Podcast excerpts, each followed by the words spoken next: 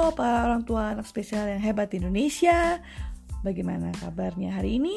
Semoga semua sehat dalam lindungan Tuhan. Semoga selalu bersemangat untuk uh, apa namanya mendampingi anak-anak spesial kita. Saya tahu persis tidak mudah tapi para orang tua pasti bisa. Karena hanya pada kita anak-anak kita ini bergantung Oke, ini podcast saya yang pertama. Terima kasih sudah mampir. Saya Dian. Uh, hari ini, kali ini saya ingin sharing uh, mengenai topik yaitu topik yang sebenarnya uh, seharusnya dipahami dulu oleh orang tua sebelum menjalani terapi. Kenapa? Karena kalau orang tua tidak siap melalui fase ini atau tidak mengerti, tidak tahu fase ini, mungkin bisa stuck di satu fase loh. Oke, apa itu fasenya?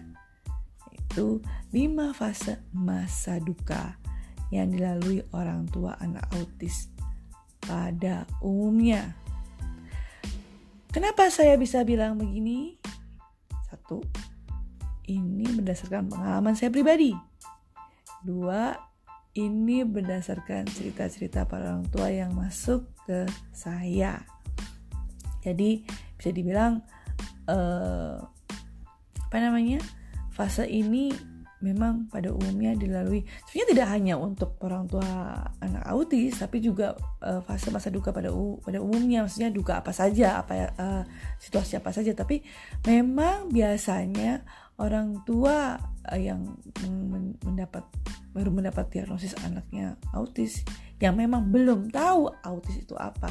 Biasanya mereka uh, kebanyakan mengalami fase duka itu makanya makanya pentingnya uh, sosialisasi advokasi mengenai autis tuh autisme tuh kenapa? Karena supaya orang tua itu tidak terlalu uh, merasa gimana gimana gitu loh. Karena istilahnya mungkin lima fase ini bisa dilalui dengan cepat atau mungkin bisa di skip. Karena kalau misalnya stuck di satu fase itu yang kasihan siapa? Anaknya. Anak yang kasihan. Kenapa? Karena mungkin anaknya bisa mendapatkan uh, pertolongan terapi yang tidak sesuai dengan kebutuhannya gitu. Jadi makanya saya pikir uh, kalau kita bicara mengenai uh, metode ini metode itu uh, program ini program itu termasuk ABA. Kalau orang tua tidak memahami lima fase masa duka yang biasanya dilalui orang tua anak autis ini mungkin program tersebut uh, tidak akan berjalan efektif. Oke kita masuk ya ke uh, fase pertama. Fase pertama itu biasanya adalah denial. Yo, aku siapa yang nggak merasa denial pada saat anaknya pertama kali dibilang, oh anak ibu sepertinya uh, ada autis gitu. Pasti merasa, wah nggak mungkin, anak saya kadang pintar, anak saya kadang ini begitu. Ya, itu biasanya orang tua yang modelnya seperti saya dulu yang belum tahu autis itu apa. Karena pada saya masih ingat saya masih ingat eh, kejadian-kejadian yang ada di video ada yang nggak di video. Jadi kalau saya putar kembali itu saya ketawa sendiri kadang-kadang ya ampun kok saya bisa nggak sadar sih kalau Abi itu ada autis gitu. Uh, jadi tahun 2013 kalau lihat milestone kan biasanya anak sudah bisa pada usia satu tahun biasanya sudah mengucapkan banyak kata Abi itu baru satu dua tiga kata pokoknya do nggak sampai ya do remi lah gitu uh, kemudian speech delay anak-anak lain sudah bisa ngomong tiktok juga Abi belum tapi saya nggak ada kepikiran sama sekali bahwa Abi itu ada autis. Kenapa? Karena Abi itu kadang pintar, cerdas, dia bisa berhitung, nyebut angka tuh jago sekali gitu. Terus uh, bisa baca flashcard lagi. Nah itu saya baru tahu kalau ternyata ada namanya hipereksia. Jadi kalau anak bisa uh, apa namanya uh, membaca secara dini, dini di usianya uh, itu bisa dibilang hyperlexia dan hyperlexia itu ada tiga kategori juga. Jadi uh, jangan GR dulu bahwa hyperlexia itu nggak ada autis. Ada ada hyperlexia yang tipenya ada autis gitu. Jadi uh, bisa dibilang ya memang uh, fase denial itu biasanya dilalui oleh orang tua yang belum memahami apa itu autisme, apa itu autism spectrum disorder. Dan juga uh, fase denial itu memang didukung juga uh, faktor lingkungan di mana lingkungan kita pun tidak memahami apa itu autisme. Karena memang uh, advokasi autisme ini masih kurang ya. Jadi kalau misalnya apa sih ciri-ciri anak anak anak autis itu yang masih balita ya masih di bawah 2 tahun speech delay mungkin matanya nggak fokus. Saya saya lupa nih persisnya. Ada tujuh ada tujuh kategori.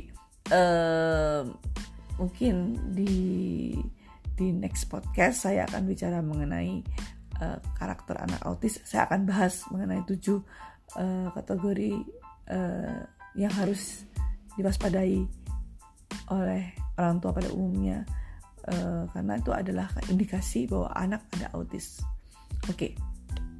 jadi fase denial ini uh, bisa cukup lama itu saya karena uh, saya masih ingat ketika saya datang ke rumah sakit anak dan ibu bersalin ya eh, kembali itu di Bunda Menteng ketemu dokter Tiwi. Dokter Tiwi itu pada saat itu mau memberikan vaksinasi apa saya lupa atau atau Abi lagi sakit. Jadi uh, pada saat saya datang itu Abi usianya hampir tiga tahun. Waktu itu sampai kaget kok saya bisa kecolongan sih? Ini anak ibu udah indikasi ASD lu lihat tuh dia jago Lego jago ini jago itu. Saya kan langsung apa sih ASD ini kenapa sih? Tiba-tiba kok bisa uh, mengejas anak saya IC tanpa adanya uh, assessment dulu gitu.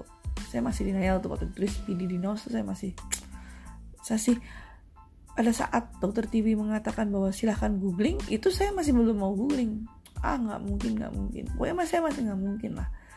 Uh, akhirnya tapi saya jalani terapi SI sama TW sensor integrasi dan terapi bicara. Karena itu disarankan dokter ini sejalani waktu itu sebelum kami berangkat ke Milan itu tahun 2015 ya. Dan sampai kota Milan ya nggak ada terapi karena saya juga nggak percaya man terapi apaan sih nggak mungkin lah gitu. Walaupun anak uh, anak saya Abi ini kelihatan hiperaktif balita masih speech delay masih nggak bisa diarahkan. Di sekolah pun juga nggak jelas gitu. Cuman kayak daycare katanya. Uh, itu uh, saya masih belum memikirkan soal terapi gitu saya masih positing bahwa mungkin Abi bingung bahasa atau mungkin Abi itu uh, hanya hiperaktif saja. Nah hiperaktif pun saya juga nggak berpikir bahwa ada ADHD yang sampai bisa harus ada ada terapinya gitu. Oke, okay. uh, setelah masa denial yang kelamaan itu, istilahnya karena kan uh, saya uh, sampai Abi 4 tahun pun itu saya baru mulai terapi setelah uh, gurunya warning itu pun terapi saya sendiri karena saya belum menemukan uh, terapis yang tepat. Waktu itu juga saya sempat ketemu BCDD uh, tapi kutisnya mahal sekali. Jadi akhirnya saya uh, pada saat lebih usia 4 tahun saya masih uh, mencari buku-buku ABA yang disarankan oleh dokter anak. Uh, karena memang mereka bilang bahwa sorry karena dokter anak itu bilang kalau ada pasien anak anak uh, yang dia tangani itu SD dan mendapatkan metode ABA uh, dan berhasil bagus progresnya. Jadi saya mencoba untuk cari buku-buku ABA sendiri saya pelajari. Tapi pada saat bersamaan uh, gurunya komplain Abi tidak bisa ikutin sekolah lebih baik ditarik pulang. Akhirnya saya uh, semi homeschooling jadi setengah hari Abi di sekolah setengah hari Abi homeschooling. Dan itu bener-bener fase yang berat banget. Kenapa? Karena pada saat itu Abi regres waduh susah banget diatur. Nah ternyata pada saat 4 tahun Abi regres itu kemungkinan besar adalah Abi masih speech delay tetapi dia sudah punya keinginan-keinginan yang dia tidak bisa sampaikan, makanya muncul problem behavior. Nah, saya mengerti ini ketika saya sudah mempelajari uh, EBI, ABA, ABA, EBA, ABA, VB, verbal behavior, dan itu kan salah satu dari uh, verbal operance yang masuk verbal behavior itu adalah man kan, man mending request. Makanya itu yang pertama kali harus diajarkan. Kenapa? Karena itu memang bisa me, me reduce problem behavior. Nah saya jadi teringat oh iya pada saat itu Abi mungkin dia secara akademis bagus ya karena dia bisa matematika segala macam. Pada saat usia situ dan bisa menulis lagi pada usia uh, hampir 4 tahun. Bisa membaca juga walaupun tidak mengerti memahami isinya. Tapi dia belum bisa mending yang baik makanya kerjanya marah-marah mulu tantrum terus bedul-bedul kaca. Saya juga bingung kenapa bisa begini? Oh makanya kenapa sekarang saya uh, uh, mengadakan main online workshop? Karena memang saya tahu itu adalah uh, apa namanya emergency gitu. Loh jadi emang harus diutamakan pada saat untuk anak-anak yang memang belum uh, bagus verbalnya gitu jadi bukan akademik bukan acting bukan verbal tapi justru malah mending dulu main dulu request verbal request dulu yang harus dipelajari lebih dahulu. Oke okay, ini uh, setelah fase denial kemudian kita masuk fase anger. Marah. Why? Why why why why? Kenapa Tuhan? Kenapa anak saya? Kenapa? Gitu. Itu itu saya ngalamin tuh ketakutan yang seperti itu waduh itu bener-bener namanya bangun jam 1 pagi berdoa berdoa. Why why why why? Uh, kenapa? Tapi lucunya pada saat saya berdoa itu dalam hati kecil saya tapi saya pikir gini Tuhan uh, saya nggak ingin Abi itu uh, hilang autisnya. Karena karena saya berpikir begini saya setelah setelah membaca baca walaupun pada saat itu saya memang ada bahasa bargaining tapi saya nggak pengen Abi itu sembuh total karena saya tahu bahwa uh, setelah saya membaca ya ini anak autis itu sebenarnya ada kelebihan yang memang dia bisa bagus gitu loh dibanding anak-anak tipikal lainnya. Jadi uh, memang doa saya adalah uh, tolong bagaimana Abi itu bisa beradaptasi dengan orang lain tanpa menghilangkan autis yang membuat dirinya bagus. Gitu. Curang ya curang. Tapi kalau tapi kan saya tidak termasuk orang tua yang ingin anaknya sembuh. Saya nggak pernah berpikir gitu karena memang saya tidak pernah berpikir bahwa autis itu adalah penyakit walaupun saya memang mengalami masa anger dan bergaining gitu. Jadi karena mungkin Abi juga uh, istilahnya moderate mild ya jadi bukan yang severe. Jadi saya masih masih berpikir positif lah jadi bergaining cuma saya masuk masuk masa bergaining why why why? Saya uh, merasa kesal. Kenapa saya lebih susah daripada orang tua lain? Kenapa kok mengajarkan Abi begitu sulitnya gitu? Kenapa orang tua lain gampang banget uh, anaknya belajar gitu? Itu saya saya ngalamin itu. Bergaining ya. Itu fase kedua. Fase ketiga depression. Wah itu ngalamin sih jadi lucunya pada saat uh, saya tuh ngalamin depression tuh up and down kenapa saya nggak mau nyalahin ya sebenarnya tapi memang faktor keluarga itu berpengaruh. Orang tua saya masih belum mengerti apa itu autis, jadi saya menyalahkan saya bahwa saya bukan ibu yang baik. Bahkan bapaknya Abi, suami saya sendiri, menyalahkan saya karena dia sendiri juga depresi kan. dia punya trauma yang saya nggak bisa saya nggak bisa ceritakan di sini, tapi dia memang punya trauma. Uh, ada kerabat lah istilahnya. Uh, kemudian dia menyalahkan saya, saya bukan ibu yang baik. Uh, pokoknya ya harusnya yang suami istri saling mendukung yang ini adalah malah uh, saling menyalahkan. Tapi memang ada ada ada. Jadi uh, banyak orang tua yang bercerai karena menghadapi anak yang autis ini. Mungkin karena memang fase denial bergaining depression ini yang mereka tidak bisa lalui dengan baik gitu jadi makanya saya saya ingatkan sekali lagi nih kepada orang tua yang mungkin baru uh, menerima diagnosis dari anaknya belajarlah dari fase-fase ini, belajarlah dari pengalaman saya ini. Jadi memang ada fase depresi sehingga uh, saya tuh depresi berkali-kali sampai pada saat awal 2018 saya udah kebingungan mesti bagaimana. Akhirnya saya ke psikiater. Dikasih obat, saya pikir saya dapat solusi yang ada kasih obat. Dia juga cuman dengerin aja. nggak ada solusi. Jadi saya pikir ya ampun ngapain sih minum obat begini? Nggak ada saya saya cuma coba satu kali dua kali. Yang ada saya fly fly aduh nggak nggak nggak deh saya mending saya pakai essential oil yang membuat saya tenang gitu. Saya mendingan saya meditasi saya mendingan saya yoga mendingan saya olahraga. Saya mending uh, mencoba untuk mindfulness bahwa udah saya berpikir hari ini saya nggak mau uh, resah untuk hari esok dan kalau saya ingat saya bisa depresi itu saya juga ketawa sih ya ampun. Tapi nggak apa-apa. Pengalaman saya ini kan bisa jadi bahan untuk belajar untuk orang tua lain yang mungkin baru mendapatkan diagnosis anaknya gitu. Nah, ini ketiga ya. Uh, kemudian eh sorry. Depresi itu keempat. Sorry. Sorry sorry sorry. Jadi pertama uh, denial. Kedua anger itu marah. Ketiga bergaining menawar. Tuhan why why why? Kenapa kok saya? Bisa nggak nggak gini nggak gitu? Nah itu begini keempat depression. Itu depresi. Kelima acceptance. Nah ini nih.